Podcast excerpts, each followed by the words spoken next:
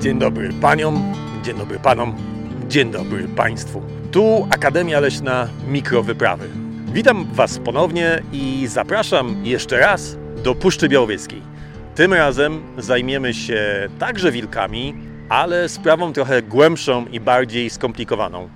Ja od lat zastanawiałem się nad tym, skąd właściwie w nas ten strach przed wilkami. Skąd te bajki o czerwonym kapturku, skąd e, te krwiożercze wilki w mitologii, dlaczego one nam tak strasznie zagrażają, dlaczego właściwie nam się wydaje, że nam tak bardzo zagrażają, bo nauka temu przeczy, ale strach w nas jest. Jakbyście zapytali 10 osób na ulicach waszego miasta o to, czy boją się wilków, to zakładam, że 10 na 10 odpowiedziałoby tak. Pytanie, dlaczego ten strach jest w nas tak głęboko zakorzeniony i skąd on się wziął? Niedawno spotkałem się z Juanem Ferro, Portugalczykiem, którego poznaliście w pierwszym odcinku serii o wilczycy z Białowieży. Juan jest przewodnikiem po Puszczy Białowieskiej. Od 6 lat mieszka w Białowieży, a w młodości pracował jako wolontariusz w ośrodku w którym zajmowano się na przykład poturbowanymi wilkami. I Juan ma bardzo ciekawą teorię na temat źródeł naszego strachu o wilkach. Żeby opowiedzieć Wam o teorii Juena, wybraliśmy się do rezerwatu w Puszczy Białowieskiej. I to jest miejsce, gdzie przebywa najliczniejsza wilcza rodzina na terenie puszczy, licząca około 13-15 osobników. Natomiast zanim tam wyruszymy, chciałem tylko przypomnieć, że Akademia Leśna Mikrowyprawy jest podcastem w całości finansowanym z Waszych subskrypcji na Patronajcie.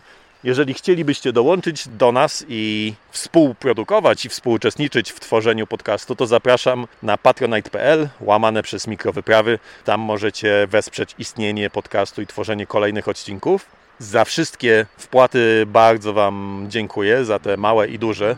Wszystkie są bardzo ważne. No a teraz ruszamy do Puszczy Białowieskiej, spotykamy się z Żuenem i rozmawiamy o wilkach.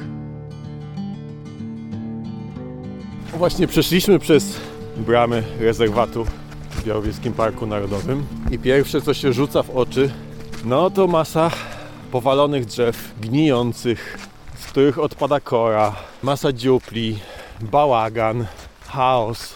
Generalnie koszmar leśnika, a jednocześnie raj dla przyrodnika, bo tak powinien wyglądać las.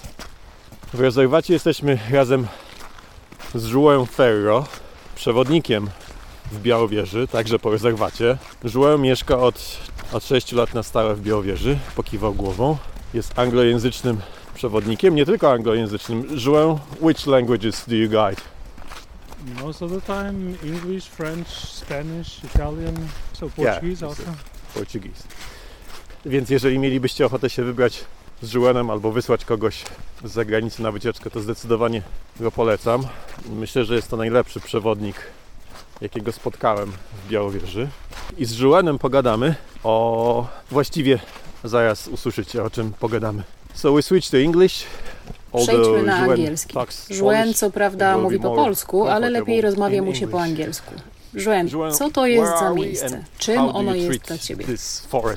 What does it mean for you? So first of all, we are in the strict reserve of the Białowieża National Park. So this is part of the wider complex Jesteśmy w rezerwacie ścisłym Białowieskiego Parku Narodowego. Jest to część większego kompleksu Białowieskiego Parku i najlepiej zachowany fragment nizinnych lasów liściastych i mieszanych na niżu europejskim.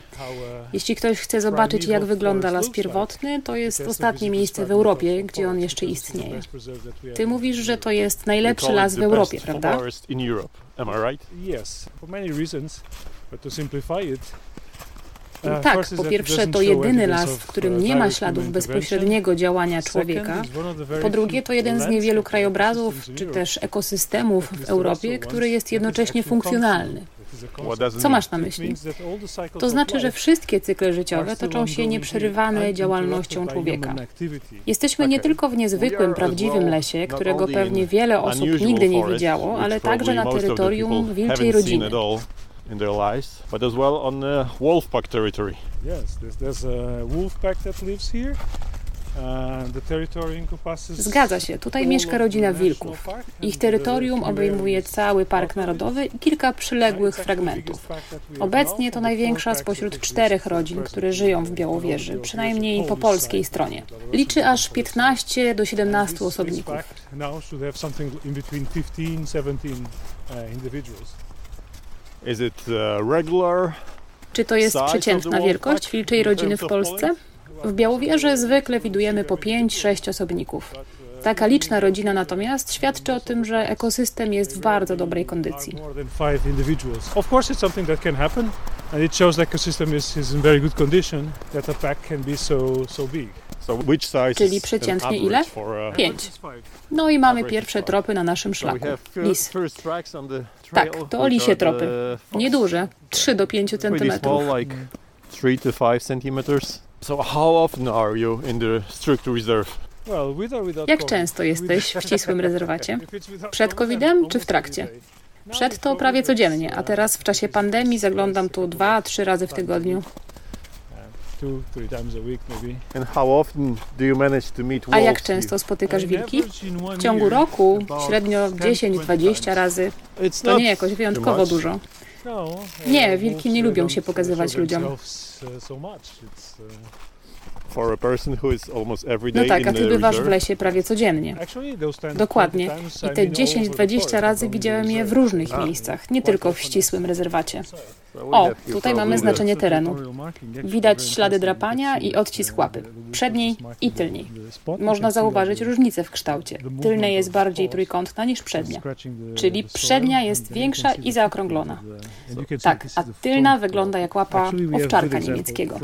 Za to przednia jest zupełnie inna niż psia.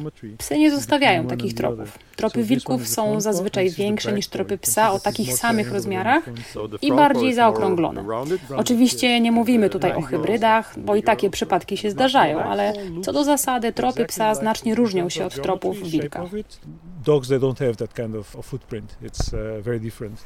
First of all, they are normally way bigger than the same size dog and they are more rounded than in the in the dog case. Of course, if you are not counting hybrids and whatever, but that that you can expect everything. But but in a regular normal dog, it's it's very different. So just to be clear, what we see here is when you're walking your dog and he's making a poo or pee and he's trying to what Czyli to drapanie, które tutaj widzimy, to jest takie samo drapanie jak u naszych psów, które sprzątają po sobie, kiedy się załatwią?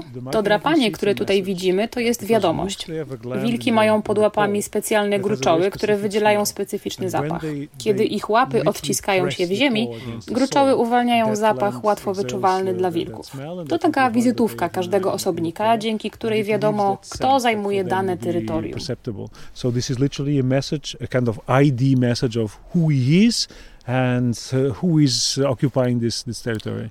So I'm trying to uh, compare it to dogs, which are mm -hmm. basically doing similar Cały czas próbuję to porównać do psów, które w sumie zachowują się podobnie. Tak, niektóre robią wręcz to samo. Psiarze pewnie wiedzą, że jak się powącha psią łapę, to pachnie inaczej niż reszta psiego ciała. Dla mnie to pachnie jak stare, wyschnięte skarpety. Taki specyficzny zapach. Ani śmierdzi, ani pachnie. Taki dziwny, suchy zapaszek.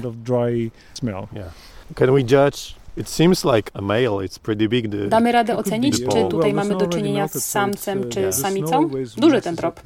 Trochę już się rozpuścił. Śnieg zawsze przekłamuje rozmiar. Wygląda na większy niż w rzeczywistości. To jest rozmiar łapy przeciętnego dużego wilka. A wyszliśmy nie dalej niż 500 metrów w głąb ścisłego rezerwatu. When you met the wolf or the wolves, have you ever been afraid of them? Boisz się, kiedy spotykasz wilki?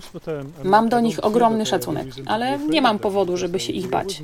One zawsze wiedzą, co dla nich najlepsze i po prostu uciekają. Nigdy nie zdarzyło mi się widzieć wilka samego czy z rodziną dłużej niż 30 sekund. Czy byłem sam, czy w towarzystwie, wilki uciekały od razu, jak tylko się zorientowały, że w pobliżu jest człowiek.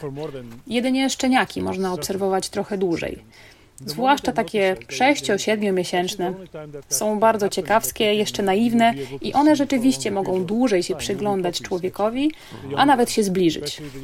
Sam miałem kilka takich sytuacji, ale z dorosłymi wilkami nigdy.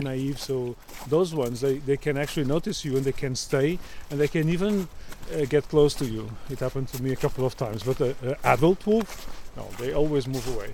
Oh, we have another this trucks. was evidence of. So we have feather, feathers of the. Probably from the fox because there's a, there was a. Mamy kolejny ślad. Pióra. To pewnie lisia ofiara. Mówisz, że nie boisz się wilków, ale pewnie słyszałeś te wszystkie historie o krwiożerczych wilkach, które zabijają ludzi i zjadają noworodki. Wiele z tych historii to mitologia. Mało tam naukowych dowodów. Oczywiście wilki są w stanie zaatakować człowieka, ale nie robią tego z wyboru. Większość wilków nie szuka kontaktu z człowiekiem, zwłaszcza w Europie, w której od wieków człowiek stanowi dla zwierząt zagrożenie. Moim zdaniem najlepsze nastawienie do natury to przede wszystkim z szacunkiem. Nie popadać w romantyzm ani też histerię. Trzeba zachować dystans i dać zwierzęciu spokojnie się oddalić. Nie wymuszać sztucznie żadnego rodzaju interakcji, a bezpośredniego kontaktu należy unikać ze wszystkimi zwierzętami. It's uh, giving distance, giving the possibility to the animal to, to move away and to not force any kind of engagement any kind of contact, in my opinion, uh, should be avoided with mhm. whatever animal. Gdybym pojechał teraz do dowolnego miasta w Europie i zapytał losowo wybrane 10 osób, czy boją się wilków, to 10 na 10 odpowiedziałoby pewnie, że tak. Jak myślisz, dlaczego? To ja bym jeszcze zapytał, ile razy ci ludzie mieli problem z wilkami i skąd u nich to poczucie strachu. To są historie, baśnie. Wydaje mi się, że to nie wynika z osobistych historii, tylko jest głęboko zakorzenione w naszej kulturze i w naszym kulturowym DNA.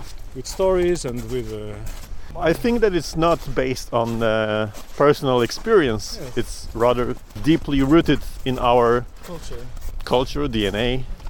DNA, cultural DNA, I would say. Oh, we have a wolf poo here. O, no i mamy kupę wilka. Tak, ale niezbyt wartościowe miał jedzenie. Dużo sierści i dużo wapnia, co świadczy o tym, że jadł kości i skórę. Czyli nie jedzenie pierwszego sortu. Widzimy, że kupa jest trochę biała, brązowa, nawet zielona. Może to są różne kupy. Tak, widzimy, że na początku procesu trawienia jadł dużo białka, czyli skóra i mięso, potem przeszedł do kości. Widać tu dobrze, co przeszło przez jego przewód pokarmowy. Niezłej jakości jedzenie na początku, a na koniec już same kości.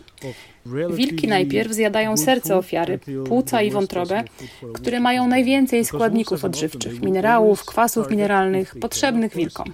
Później dopiero zjadają bogate w białko mięso.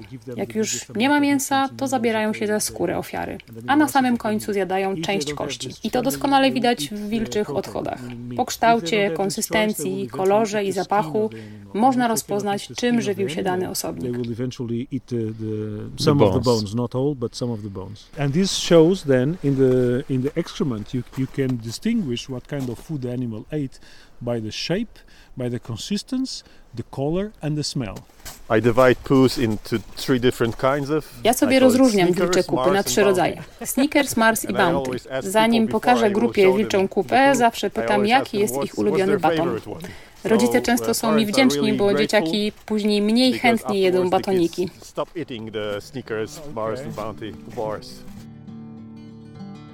Na chwilę wypożyczam Was z Białowieży żeby przypomnieć Wam o tym, że Akademia Leśne Mikrowyprawy jest podcastem finansowanym przez Was i bardzo, bardzo chciałbym wszystkim, którzy dotychczas zaangażowali się w jego tworzenie, podziękować. I tym, którzy e, słuchają nas, i tym, którzy udostępniają, polecają znajomym, i tym także, którzy dokładają swoją cegiełkę do tworzenia tego podcastu na Patronajcie. Jeżeli chcielibyście dołączyć, będzie mi bardzo miło. Strona to patronite.pl łamane przez mikrowyprawy. A teraz wracamy do Żułena, do Puszczy Białowieskiej i do rozmowy o tym, dlaczego boimy się wilków. Going back to the feelings which we have A wracając do naszej relacji emocjonalnej z wilkami, jaką masz teorię na temat ludzkiego strachu przed wilkami? Wilk był prześladowany w Europie od 2000 lat i traktowany jako czarny charakter, chociaż wcale nim nie jest. To taki nasz kozioł ofiarny, tak głęboko zakorzeniony w naszej kulturze, że ciężko teraz to odkręcić. A przecież wilki to takie dzikie psy. To niezwykły paradoks, bo przecież uwielbiamy psy, ale wilków już nienawidzimy. Moja teoria jest taka, że w historii było kilka punktów zwrotnych, które kulturowo, ekonomicznie i religijnie postawiło wilka w roli naszego wroga. Na przykład z ekonomicznego punktu widzenia istnieje ogromna różnica między społeczeństwem zbieracko-łowieckim a społeczeństwem pasterskim i rolniczym. Ci pierwsi postrzegali wilka jako pewien symbol, istotę duchową o pozytywnych cechach. The hunter-gatherer cultures and the cultures of shepherds and farmers. So the hunter-gatherers they always uh, see the wolf as a as a special icon, as, as someone to admire, someone to some kind of special spirit, or someone that has a, a positive value. Can you see it in their A czy to też przejawia się w ich wierzeniach? Tak, jeśli przyjrzymy się naukom antropologicznym w społeczeństwach rolniczych, które miały swój początek na Środkowym Wschodzie, istnieje wśród nich przekonanie, że drapieżniki to złe bestie i ogromne zagrożenie. Nie tylko wilki, ale też hieny, lwy, ma to związek z zaborczością o żywy inwentarz, bo drapieżniki atakowały zwierzęta hodowlane i trzeba się było ich pozbyć. Drapieżniki uszczuplały źródło pożywienia i dochodu.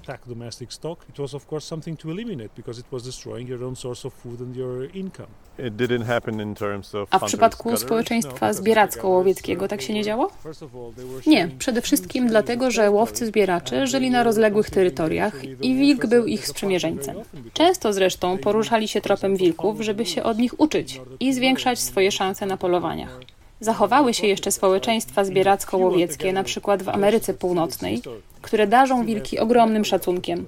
Im bliżej środkowo-wschodniej Europy albo Azji Mniejszej, tym bardziej zmienia się ten system wartości. Wilk już jest pasożytem, którego trzeba wytępić. Takie przekonanie przywędrowało do Europy wraz z rozwojem agrokultury i uprawą roli. I tak stopniowo stawało się integralną częścią naszej kultury. W międzyczasie dołączyła religia. W chrześcijaństwie wilk to uosobienie diabła. Atakuje ludzi, zjada dzieci i babcie, więc dzielni chrześcijanie powinni z nim walczyć. Z mojej perspektywy to są czysto mitologiczne, a nie realne pobudki. kind of predators as, devilish, as something that, belongs to devil realm, so something bad, something something that is going to attack and eat children and, old women, something that uh, brave Christian men should uh, should eradicate. In my opinion, they are at all not at all fundamental in, in the reality, but in a in a mythological perspective of, of life. Does it apply only to Christianity or to other religions? Czy to dotyczy tylko chrześcijaństwa? Uh, Powiedziałbym, że to dotyczy wszystkich religii abrahamowych. Judaizm, chrześcijaństwo, islam mają te same podwaliny społeczeństwa hodowców i rolników. Shepherds. So can you tell how the attitude towards the A możesz opowiedzieć, jak stosunek do wilka zmieniał się w Polsce? Bardzo podobnie.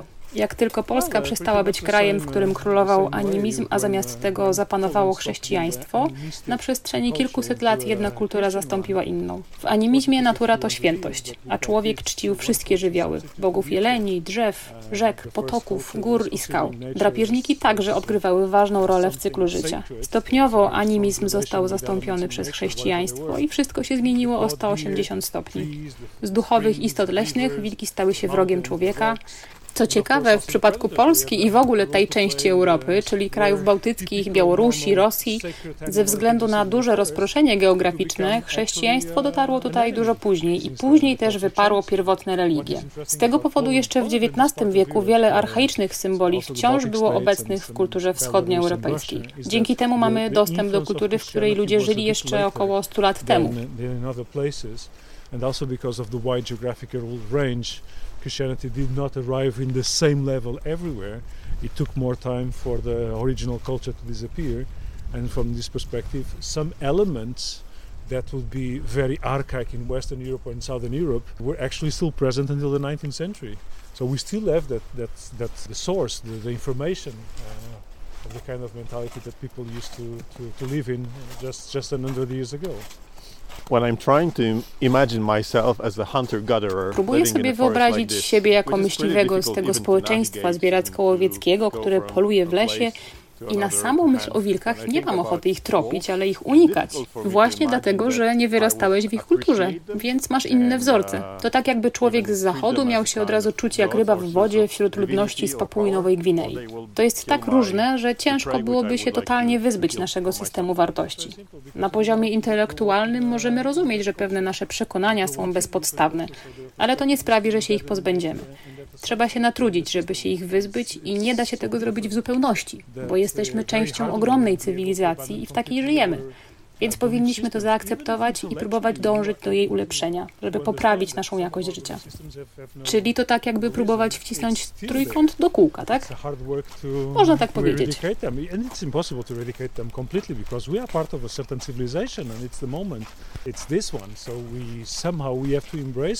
understand and try to move on into something healthier, into a better relation with uh, with life. So it's like trying to put in a triangle in a roundish shape. Kind of, if you want to put it like that. Yes. Mm -hmm. Czy możemy coś zrobić, żeby przestać się bać wilków? Change our attitude to stop being afraid of predators like wolves. Po pierwsze, powinniśmy poszerzyć naszą wiedzę na ich temat, a dokładnie na temat ich zachowań. Im więcej naukowych publikacji o wilkach się przeczyta, tym bardziej można dostrzec, jak są do nas podobne. Mają ten sam system wartości. Zakładają rodziny, tworzą społeczności, rodzą się, jedzą, rozmnażają się i umierają. Mają swoje wyloty i upadki, jak my wszyscy. Może my mamy trochę bardziej złożoną naturę niż one, ale baza jest taka sama. Zamiast przyjmować postawę defensywną, powinniśmy najpierw spróbować je poznać i zrozumieć, wyzbywając się uprzedzeń. Uh, against them, I think that we should try to learn. So mm. first learn uh, about them.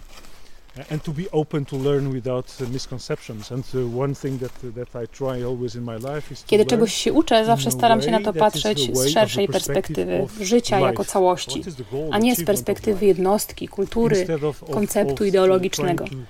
Staram się pojąć, jak działa życie na tej planecie i stosuję tę wiedzę w przypadku swojego życia, życia innych, zwierząt i życia roślin.